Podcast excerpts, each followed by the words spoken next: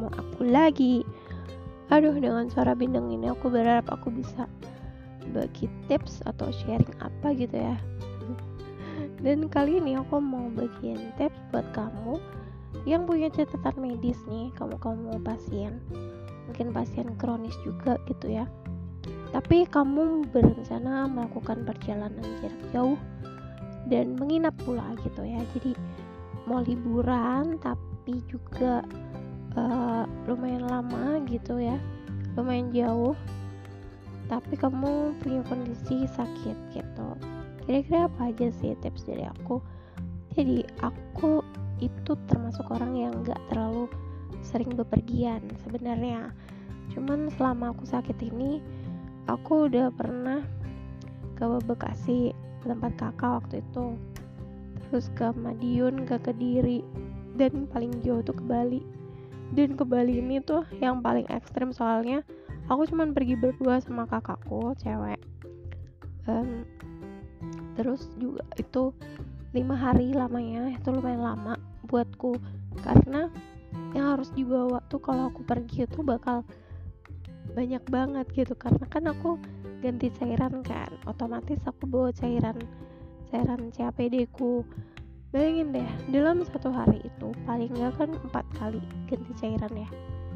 Tapi aku prepare satu lebih gitu loh satu kantong buat jaga-jaga. Jadi aku satu hari itu bawa lima. Nah ini tuh lima hari. Jadi bawanya kan 25 kantong. Padahal satu box itu isinya 6 kantong. Satu kantong tuh 2 kilo. Jadi satu boxnya dia itu kira-kira 12 kilo.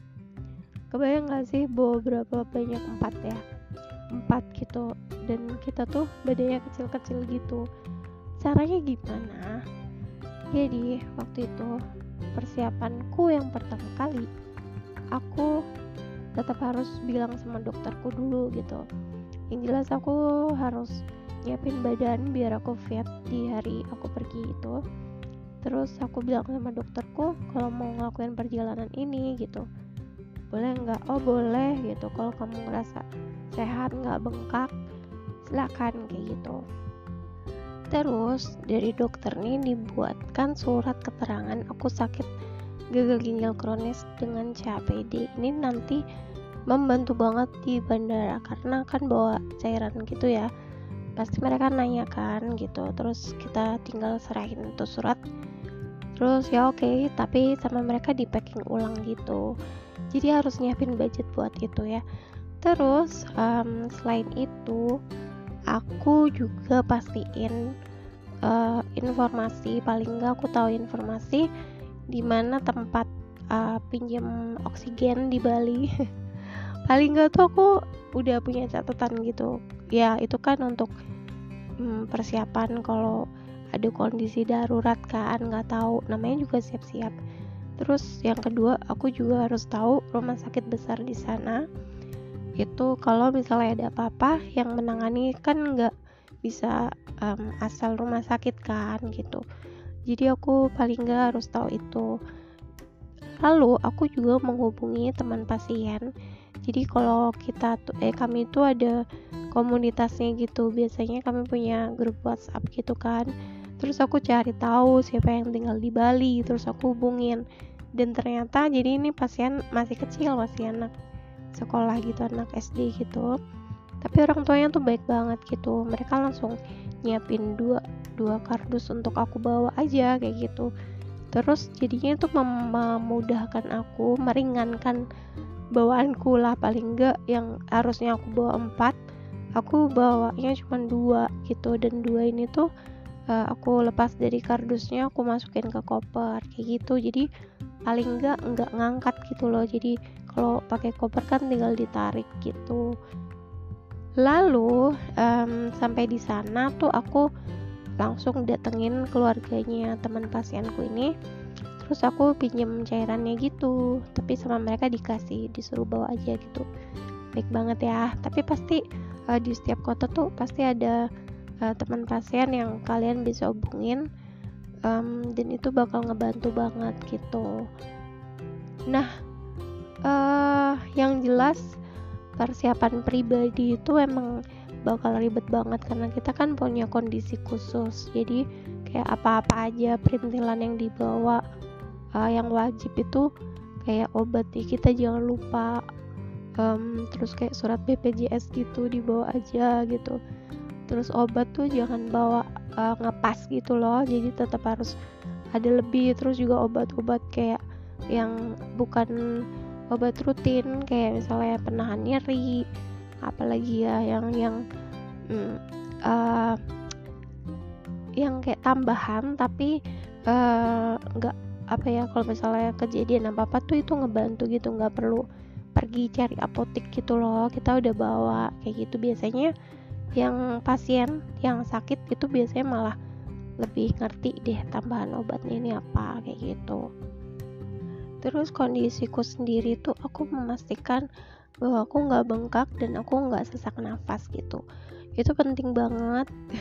Paling nggak nih kalau misalnya di sana aku bengkak nggak dari rumah gitu nggak dari rumah bengkak duluan gitu. Tapi ya udah karena resiko bengkak buat kami itu um, apa ya pasti terjadi karena apalagi kita jalan terus kan jalan-jalan terus gitu jadi uh, ganti cairannya mungkin dalam posisi yang enggak nggak bisa maksimal gitu. Misalnya kita kalau di tempat tidur kan bisa tiduran. Nah ini kan aku kadang-kadang pas di perjalanan gitu jadi di dalam mobil itu uh, ganti cairannya kan posisinya duduk tuh. Jadinya cairan yang ketarik tuh sebenarnya nggak maksimal gitu loh. Nah ini tuh mengakibatkan penumpukan cairan yang dibilang bengkak itu gitu.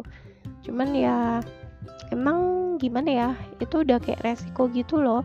Jadi nanti waktu udah pulang balik lagi ke rumah kayak satu dua minggu tuh kayak pemulihan. Ya mau nggak mau gitu. Terus uh, kenapa aku berani ganti cairannya di mobil? Karena waktu itu kan rental gitu ya dan mobilnya tuh justru malah pasti dibersihkan kan gitu. Jadi uh, kita juga selalu pesan supaya mobilnya bersih dan wangi gitu. Jadi aku ngerasa uh, untuk ganti cairan tuh memungkinkan gitu tenang toh kita pakai juga berdua gitu. Jadi nggak ada orang asing atau ya minim apa ya minim debu gitu loh. Gitu. Jadi kamu yang punya kondisi punya sakit kronis gitu ya dan kamu pengen berlibur cuman kamu takut-takut itu saran aku pastiin dulu kondisi kamu memungkinkan atau enggak untuk perjalanan itu gitu. Juga jangan lupa konsultasi sama dokter kamu. Kalau kamu udah diizinin lalu kamu persiapkan semua kelengkapan kamu sampai yang paling ekstrim sekalipun kamu siapin gitu. Kayak yang buat jaga-jaga gitu loh. Meskipun itu mungkin nggak kepake harapannya ya nggak kepake lah ya. Tapi paling nggak kamu tetap bawa gitu. Kamu tetap siapin itu kayak gitu. Terus yang paling penting juga teman part teman atau partner bepergian kamu tuh memang orang yang paham sama kondisimu juga.